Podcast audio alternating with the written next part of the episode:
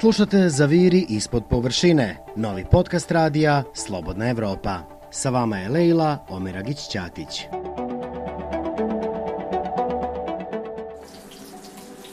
Rad od kuće bez cenzure. Ovo što čujete su šnicle. On kaže da će imati sastanak sa ostalim roditeljima, te da se još uvijek zoka u rad nešto s njim, molim te. S Bepom. Cvili mi ovdje. Moram ovaj prilog za tri napraviti. E, aj sad samo zatvori. Šuti. Aj, Bepo! Bepo, ne! Rad od kuće primijetili ste ima svoj poseban ambijent i uslove koji se u finalnom produktu ne osjete. Kao ja, veselimo se sa djecom, muževima, ženama, cukama, macama, sve u hodu dok mašemo varjačom i pravimo ručak između pisanja projekata, razigrano prostiremo veš između dvije radionice i predavanja preko Zuma i veselo otvaramo vrata onima koji očitavaju vodu, struju, plin, dok nam je sagovornik na vezi. Ako ostavimo to na stranu, ipak može biti kreativno, promjene neretko nose novu energiju, no gubili se granica između privatnog i poslovnog. Može li poslovno da pojede privatno ili privatno da pojede poslovno? Ljudi koji rade na taj način moraju da nađu balans i to je to. E sad, kako se snalazimo u toj priči, polako. Život je pred nama, a i podcast. Ovo je ZIP, zaviri ispod površine, podcast Radija Slobodna Evropa, a ja sam Lila Omeregić-Ćatić i promišljam o fenomenu rada od kuće iz više uglova, sve uz autentični kućni ambijent.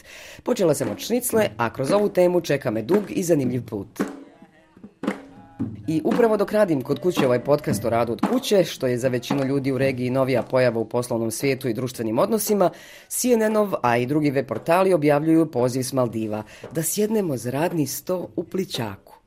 Naime, turistički resort na Maldivima od početka septembra ove godine nudi svojim gostima poslovni paket aranžman, odnosno nude na mogućnost da na tri sedmice svoj kućni ured premjestimo na atol Ba, koji se nalazi na UNESCO-ovom popisu rezervata biosfere.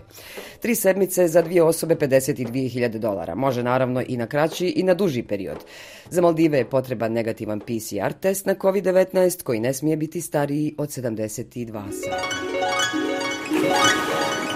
Sjedim za radnim stolom u pličaku Tirkizno-zelenog okeana i ispod suncobrana od Trske razvrstavam 14 ključnih prioriteta koje treba ispuniti Bosna i Hercegovina za kandidatski status u Evropskoj uniji.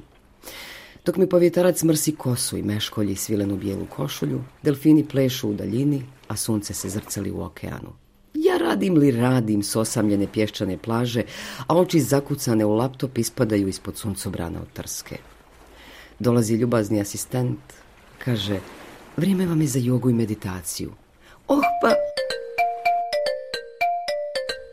to je zvuk kojim se prekida svaka čarolija. Doduše, to i nije čarolija, nego bi više bila mora, jer ko bi još mogao išta da radi u tako egzotičnim uslovima i s kreditom od 52.000 dolara. Uglavnom, iako rad od kuće nije više toliko nužnost kakva je bila tokom lockdowna, ipak je sve prisutniji u poslovnom svijetu. Također je neizvjesno kako će i kad virus nestati, ali bez obzira na to, mnogima kojima vrsta posla to dozvoljava, rad od kuće postaje ta nova normalnost. Kompleksna je to ljudska priča iz koje god uglada se sagleda i mislim da smo svjedoci jedne velike promjene koja značajan dio društvenog života pojedinca seli u online svijet. Kako kaže moja sagovornica kasnije u podcastu, ta promjena je svakako bila na putu da dođe, a pandemija je ubrzala proces. Dakle, savremene informatičke komunikacijske tehnologije odavno su omogućile rad na daljinu, a tokom pandemije kućni rad snažno, ali istovremeno neuređeno i neplanski, stupa na poslovnu scenu. Prvo je to bilo zbog pojave pandemije, smanjenje mogućnosti zaraze zaposlenih i veće šanse da posao dobro funkcioniše. U Sarajevu smo u aprilu ove godine zabilježili kako izgleda novinarski rad od kuće s malom djecom. To je bio početak takvog načina rada, kada se još mislilo da širenje zaraze koronavirusom neće ovako dugo potrajati. Evo kako su tada novinari Merima Hrnjica i Ermin Zatega organizovali svoje poslovne i porodične aktivnosti. Pošto imamo sreću da i supruga i ja radimo od kuće, onda se mijenjamo. Neko je sa djecom prije podne, neko poslije podne. Koristimo ono vrijeme između ovaj obaveza da pobjegnemo ovako, ja na primjer pobjegnem u lunnu sobu, sjednem za lunni radni sto i tu radim, tu stignem završiti sve ono što treba za taj dan. Teško je, ali nije nemoguće. Opet nekako suprug i ja na smjenu, ja sam od 8 do 4 na, na poslu, a onda za to vrijeme on sa tatom, usto imamo sreću da bar ima i to dnevno spavanje koje je još aktuelno. Nakon toga, ja kad završim sa poslom, preuzimam djeta, onda muž uspjeva da završi neke od svojih obaveza i tako iz dana u dan nekako se snalazimo. To kao? Tata. A onda je došlo ljeto, pa smo opet zabilježili priče ljudi koji rade od kuće i koji su nakon nekoliko mjeseci mogli zapaziti prednosti i nedostatke takvog rada. Uočili su ih Miloš Brajević, programer na sajtu kupujemprodajem.com u Beogradu i njegova kolegica Tijena Zlatković. Nema, nema prevoza, ustajem kasnije, završavam, to jest krećem na posao kasnije, završavam posao ranije, jel da? Ne znam još koliko ćemo ovaj, ostajati, da kažem, pri ovom modelu rada, ali verujem da će neka forma ovoga da ostane. Mislim, generalno, nama svima fale kolegi. Jeste ljudi da se čujemo? Čujemo se, dobro. Evo mi kafe. I ovaj, to jeste jedna od stvari, na primjer, zašto bi se ja vrlo rado vratio u kancelariju ali ne znam koliko bi vremena prošlo pre nego što bih požele opet da se vratim kući da mogu da spavam duže i da, kažem, budem u svojoj sobi. U nekim trenucima, kako za mene, tako i za moj tim, da kažem, ti trenuci kada nam inspiracija, da kažem, najveća možda se neće desiti za vreme radnog vremena, nego pre ili posle. Tako da nam rad od kuće dopušta, odnosno omogućava to da mi možemo u tim trenucima da sednemo, završimo posao. I imamo, na primjer, neke ljude koji moraju da menjaju dva prevoza do posla. Mislim, bukvalno tako neke logističke stvari su bile najveća prednost. Um, što se negativnih strana tiče, rekla bih da je to zaista, pričali smo sa svima i zaista individualna stvar. Dakle, um, neki ljudi jednostavno um, kod svojih kuća nemaju e, idealne okolnosti, idealno radno mesto, idealne uslove za rad neko ima porodicu, decu, neko ima psa, neko ima, prosto tu su neke razne distrakcije koje nisu baš ovaj, uh, idealne. I tako milioni ljudi u svijetu zbog pandemije počeli su radeći od kuće da otkrivaju nove izazove. Poslodavcima se tako otvaraju financijske prednosti, zaposleni imaju više fleksibilnosti, no duže radno vrijeme, ali čućemo od naših sagovornika da studije pokazuju mnogo više produktivnosti.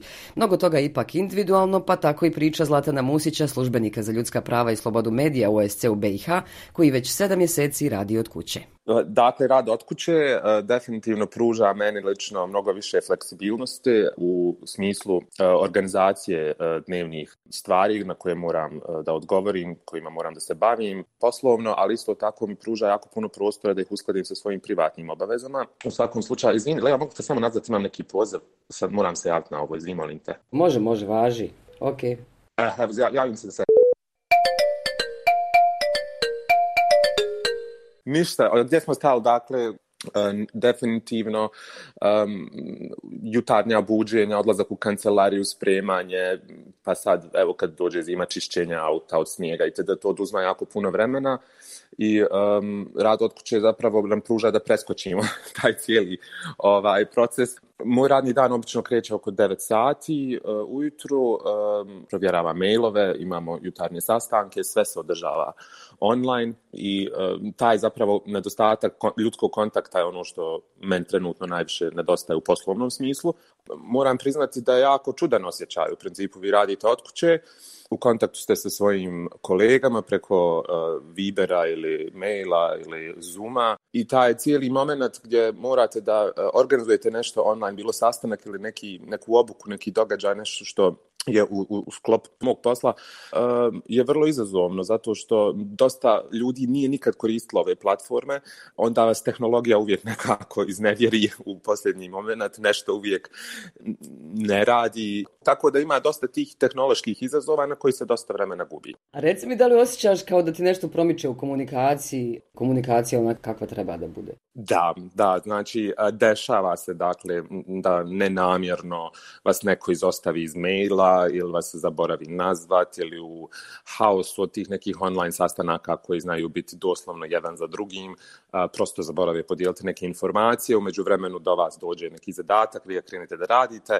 dođete do pola i onda se neko sjeti da je zapravo to odrađeno, da ne trebate više ova, da se bavite tim, tako da ta razmjena informacija je izazov u, u kontekstu tih cjelodnevnih obaveza poslovnih i privatnih svi ljudi koji se nalaze u ovom lancu sistemu. Koliko traje tvoj radni dan od kuće i koliko se sudara sa privatnim životom u kući? E sad, um, ja nekad znam da svoj radni dan i prekinem recimo ono, oko dva ili tri popodne, budući da živim sam, brinem se o sebi, moram napraviti ručak, moram ovaj, sve uh, na neki način drugo da ovaj, posložim i onda se vratim svom poslu uh, poslije toga um, i ostanem da radim do 7 do 8 na večer da nadoknadim recimo neke stvari koje nisam uspio tokom dana. Tako da taj neki radni dan traje jako dugo, nekako je, nemamo kraja, pogotovo ako imate puno, puno obaveza i ako morate i privatno i poslovno da uskladite.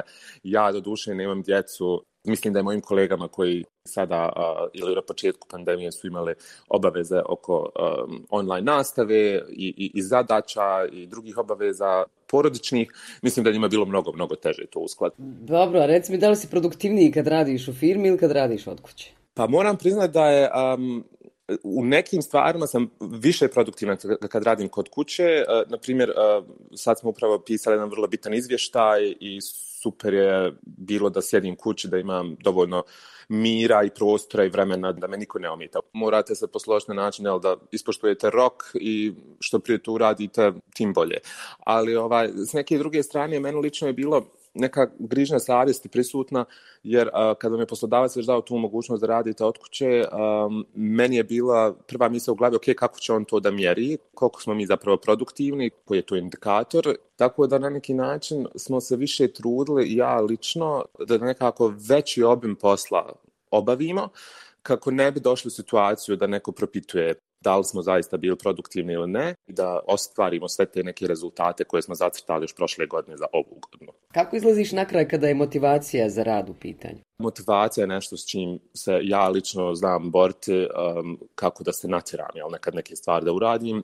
Zato što opet ste sami, nema tog ljudskog kontakta, nemate neke dinamike, nema uh, tog nekog brainstorminga sa kolegama, um, opet sve super, vi se uvežete online, ispričate se, čujete se, trr, na kraju sve se to završi, ispustite slušalcu, ukinete Zoom, i onda se vratite u svoje četiri zida i kontate, ok, sad ja moram ovo sve strati, pisat koliko imam. Ako zamisliš da bi ostatak života mogao provesti radeći od kuće, koji ti je komentar na to? Uf, pa ne znam, mislim da na čovjek se sve navikne, je tako? Moj komentar bio ne hvala. ovaj, lijepo je bilo dok je trajalo, ali isto tako mislim da e, povratak u neku staru normalu je prosto nemoguć. Uh, mislim da dosta firmi i kompanija koje su tokom ove pandemije a, uspjele da organizuju i da ostvare dobar rezultat ili profit a, sa organizacijom rada od kuće, mislim da će donekle zadržati taj sistem, pogotovo zato što evo sad neke studije pokazuju upravo to o čemu smo malo prije pričali, da a, mnogo više ljudi se osjeća produktivnijim, a, da nemaju taj pritisak, da su baš u kancelariji od 8 do 5, da to neko mjeri u minutu itd. Um, isto tako moramo razmišljati o nekim troškovima i ekonomskim posljedicama i saniranju svega što će se uh, morati sanirati nakon što ova pandemija završi, tako da ona kombinacija rada iz kancelarije i kuće bi bilo govarala najbolje. Vidjet ćemo šta će se dešavati u budućnosti. Mislim da će to biti veliki izazov ukoliko zaista ostane eh, ovaj sistem. Tako priča Zlatana. Onaj dio gdje kaže kako je teško da će se trend rada od kuće vratiti na staro, potvrđuje profesorica sa ekonomskog fakulteta u Sarajevu Melika Husić-Mehmedović i u našem razgovoru između ostalog navodi i to kako nove generacije zapravo nalažu novi sistem rada bez obzira na pandemiju.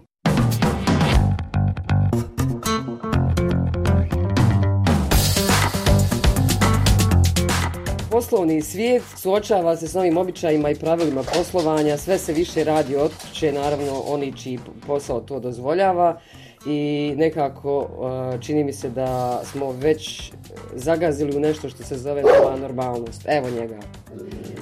Ne cuke.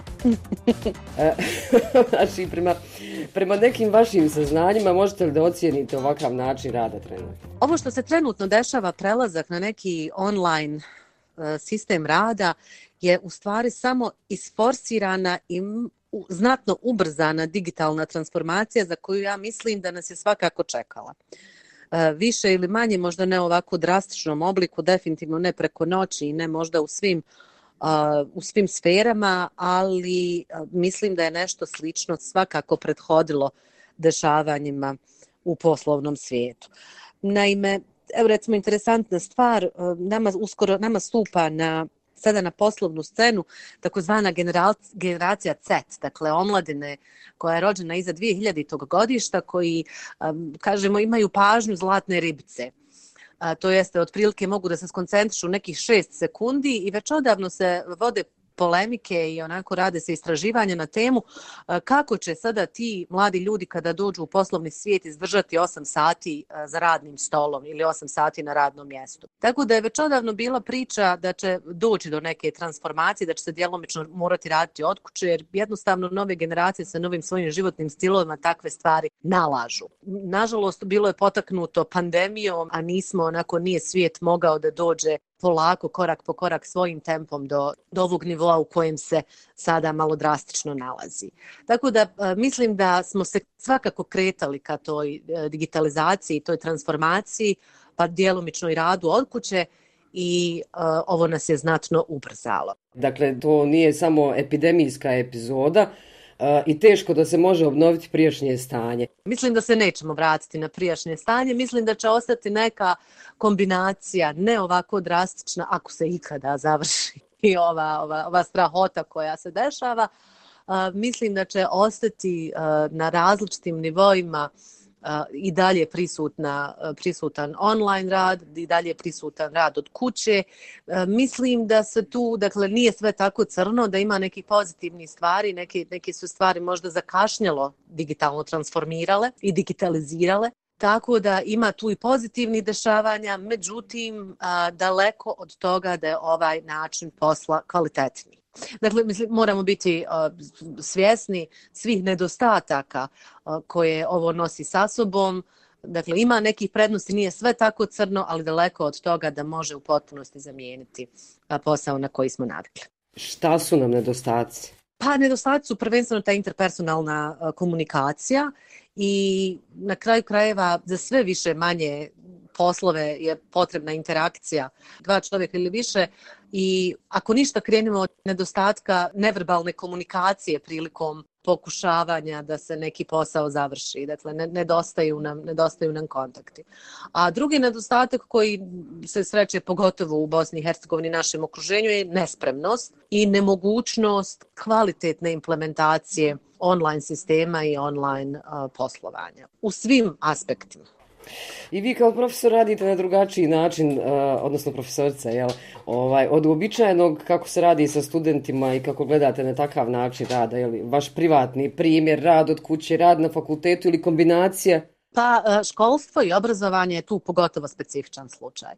Dakle, mislim da gledajući kroz uh, i moju djecu e, koliko u stvari koliko je nemoguće maloj djeci u osnovnoj školi a, potpuno ih prepustiti online sistemu. Već odavno se i tu govori o uvođenju jedne ili dvije ili tri sedmice tokom školske godine ili tokom jednog polugodišta online, što ne bi bilo loše.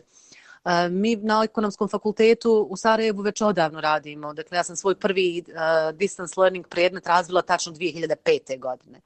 Dakle, već odavno se radi na tome, međutim, potpuni prelazak na, na, na taj distance learning je došao naglo i čak i mi dakle koji se već 15 godina spremamo opet trebalo je tu mnogo da se uloži truda i rada. Nažalost online sistem nije ono što se uh, onako laički misli sada sve što sam radila u učionci radim online. To je apsolutno nemoguće. Dakle, brojna su trenutno već istraživanja provedene u posljednjih godinu dana ili posljednjih par mjeseci kako u stvari sadržaja prilagoditi online načinu. Ne možete 40 minuta upaliti kameru i govoriti 45 minuta, držati čas. U principu, na primjer, neki su savjeti da se 45 minuta časa u stvari u online svijetu pretoči u 12 minuta videa. Dakle, to su drastične razlike. Ja ne mogu samo uzeti materijale koje sam radila na času i prenijeti u online svijet, tako da je potrebno dosta vremena. Moram vam reći, potrošila sam mnoge sedmice ovog ljeta spremajući tu online nastavu jer sam je morala prilagoditi tom drugom sistemu. Tako da može se napraviti sjajna stvar, ali mora se mnogo više truda uložiti u to. A, organizacija, edukacija, novac. Tačno. Pa čak mislim novac, da kažem, nisu to neki, osim za, za, za platforme i za servere koji to prate, ovaj, novac za edukaciju, mislim sve sve postoji već u, u online svijetu, dakle trenutno i besplatnih kurseva i besplatnih edukacija koje će pomoći da se a, nastavnici prilagode novom načinu predavanja na svim nivoima, osnovno, srednje, visoko obrazovanje, ali treba ipak uložiti vremena i truda dosta u to. Hvala profesorici Meliki što nam je malo razbistrila situaciju u vezi sa fenomenom rada od kuće i u tom kontekstu i uslova rada u prosvjeti, a sad da se žestoko uhvatimo u koštac sa radom od kuće i poletimo da stignemo na sve.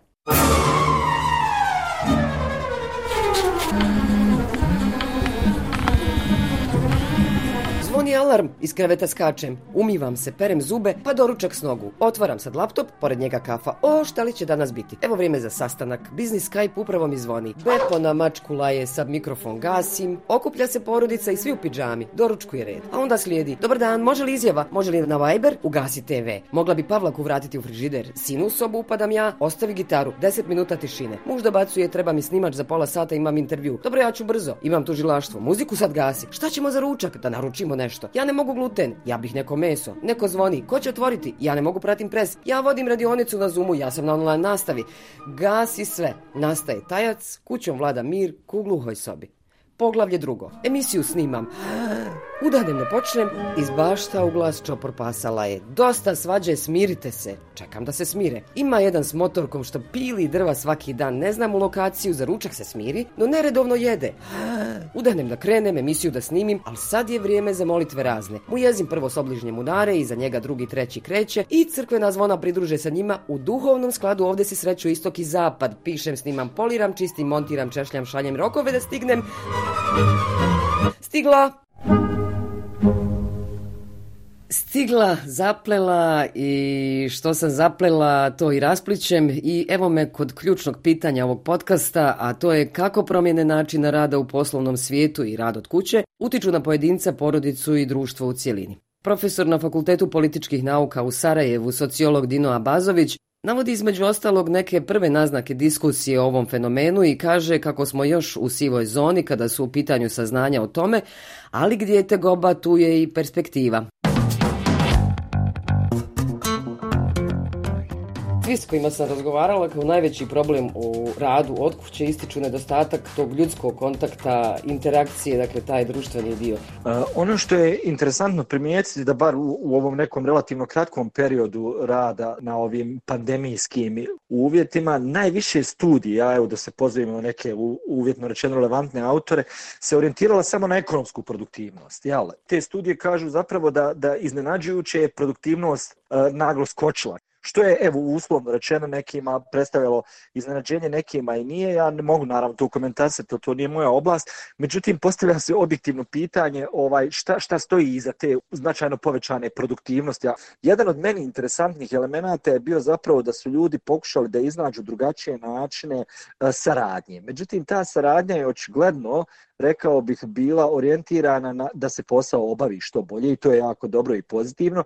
Međutim, ona nas je lišila upravo ovoga ovaj što je implicirano u pitanju, a to je zapravo koliko je taj sam kontakt orijentisan na bilo šta osim neki benefit koji se može eventualno ekonomski izraziti. Koliko takav način rada suštinski utiče na pojedinca, na porodicu i društvo i kako? Mi objektivno, interesantno je, nismo imali do sada priliku, bar koliko sam ja upratio, da proučavamo odnose koji su pomjereni ili skrenuti u, u drugu krajnost, jer mislim da je relativno kratak period, još uvijek eh, ovaj koji smo ako gledamo za neke trendove koji bi nam mogao dati neke odgovore.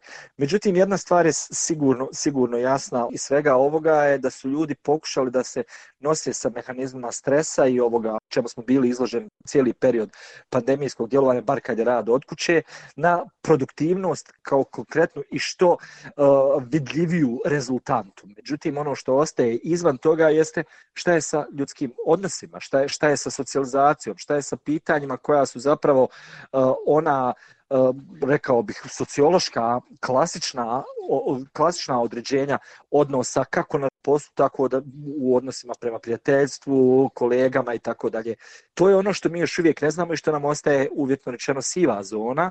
Ovaj međutim neke prve naznake ove diskusije govore o tome da gdje je uvjetno rečeno tegoba tu je neka perspektiva i interesantno je primijetiti da upravo ti novi načini saradnje zapravo otkrivaju kod ljudi bar, bar po ovim studijama koje su rađene, otkrivaju kod ljudi i neke druge pozitivne efekte koje rad od kuće donio. Ti pozitivni efekti su se pokazali u tome da neke od karakteristika koje nisu ranije dolazile do izražaja su se kod ljudi pokazale kao vrlo, vrlo dobri mehanizmi, uvjetno rečeno da se ovaj može, može računati na njih, a da prethodno nisu bili primjećeni bilo kod poslodavaca ako govorimo o radu radu od kuće ili kod nekih kod nekih drugih ovaj kod nekih drugih faktora koji donose odluke eventualno za, za budućnost. Znači što se pojedinca, porodice i društva tiče, ostajemo u sivoj zoni dok se uh, malo više ne istraži Pa, ako ćemo, ako ćemo ozbiljno govoriti o trendovima, da. Jer mislim da, da nažalost, ovaj bi sve bilo u, u sferi neke spekulacije, ali onaj ono što se pokazalo kao uvjetno rečeno izvan konkretnog posla i obavljanja neke radne djelatnosti, profesionalizma od kuće i tako dalje i tako dalje, sklon sam tvrditi da još uvijek nemamo dovoljno indikatora da bi mogli uopće govoriti kuda nas to vodi i šta bi eventualno mogli biti posljedice. Međutim, nije samo rad od kuće, ima promjena koje su možda, ajde uslovno rečeno, teže ovaj promjena od samog rada od kuće, a to je u ovom trenutku recimo posao u prosvjeti, čemu vi najbolje svjedočite u radu sa studentima i predavanjima, to su neke kombinacije rada Hvala na tom pitanju. Eto, upravo sam htio da, da pomenem sad taj drugi aspekt koliko je unutar profesionalizma koji nije mjerljiv samo ekonomskom metrikom i recimo profitom ili uvjetno rečeno da se, da se donesu što bolji rezultati, ovaj, eh, koje su negativne strane takvog angažmana. Nama je počeo semestar na univerzitetu, ja ću naravno govoriti o nekom ličnom iskustvu. Mi jesmo uradili sve preduslove i to funkcioniše na način da u principu se radi po rasporedu kao što je ranije bilo se radi u virtualnim učionicama i te virtualne učionice zapravo podrazumijevaju bar u ovom konkretnom slučaju razgovor iako sa druge strane u virtualnom svijetu vi vidite imena studenta jel ne vidite njihova lice i ne vidite zapravo izuzev četa odnosno javnog panela za diskusiju e, zapravo bilo koju drugu interakciju do interakcije sa samom mašinom moram vam priznati da, da, da u, u onom najplemenitijem grčkom smislu nema tu nekog posebnog erosa. Jel, potpuno je drugačija situacija. Ja vam govorim sa stanovišta predavača. Kada vi imate ljudski kontakt, kada možete gledati govor tijela, razumijevanje, kad možete vidjeti jel, sve one finese u kojima možete sami sebe korigovati dok držite predavanja. Pretpostavljam da je mnogo teže kolegama i kolegicama koji rade u srednjoškolskom ili osnovnom obrazovanju, jer kao što znate, na univerzitetu je nešto manji taj odgojni, a više obrazovni faktor, ali kad govorimo o odgojno-obrazovnom procesu, mislim da su ovaj već sada jasno u našoj konkretnoj profesiji vrlo jasne nedostaci ovaj, i, i probleme s kojima se tek trebamo, trebamo suočiti. Nije jednostavno ta, ta bešutnost mašine, koliko god ona ima svoje prednosti u komunikaciji, koliko god se mi trudili da mi mikriramo da jel ovaj život ide, onaj čini mi se da, da, da, da, da u ovoj bar u ovoj formi u kojoj jesmo taj ljudski kontakt, pravi ljudski kontakt, ovaj je još uvijek nezamjenjiv. A vjerovatno će zauvijek i ostati nezamjenjiv. Nisam se još dotakla zakona o radu i inkorporiranja u taj zakon ovog dijela koji se tiče rada od kuće, namjerno. I o tome ću reći samo ovo. Posljednji izvještaj Evropske komisije u napretku država našeg dijela Evrope pokazuje da se korupcija i organizovani kriminal smatraju rak ranom u zemljama Zapadnog Balkana. Problemi u pravosuđu su im zajednički imenitelji i očito je da nisu riješena temeljna prava u državama regije. Iako zakoni postoje i to često dobri, oni se ne primjenjuju u praksi, što bi zapravo bio smisao njihovog postojanja i ključ za pravnu državu. Vlasti su te koji ih donose i iste te vlasti moraju imati mehanizme za njihovu primjenu. Ako ne žele ili ne znaju da koriste mehanizme za primjenu zakona, čime bi se osigurao kvalitetniji život građana kojima služe, jer su zato birani, onda dolazimo opet do građana koji ih biraju. Bilo kako bilo, usvojili se ili ne usvojili zakoni, primjenjivali se ili ne u praksi, mi smo tu gdje jesmo, u poslovnom online životu i treba ga izbalansirati sa društvenim. To jeste nova realnost, a u realnosti treba biti pa realan. Oko toga se moramo potruditi svi kako bismo ostvarili stabilnost u svakom smislu te riječi. Ipak još uvijek nije prirodno, nekako kuća je kuća, posao je posao, ali kuća je sada posao i posao kuća. Ne znam ni kako da idem s posla kući kad nisam ni došla na posao jer sam bila kod kuće, radila na poslu. Kuća, posao, posao, kuća, kuća, puća, eto šta znam, ništa ne znam a gdje da zna Oće mora to cenzura. Ovo je podcast ZIP za viri ispod površine. Ja sam Lejla Omeregić-Atić. Slušajte me ponovo na slobodnaevropa.org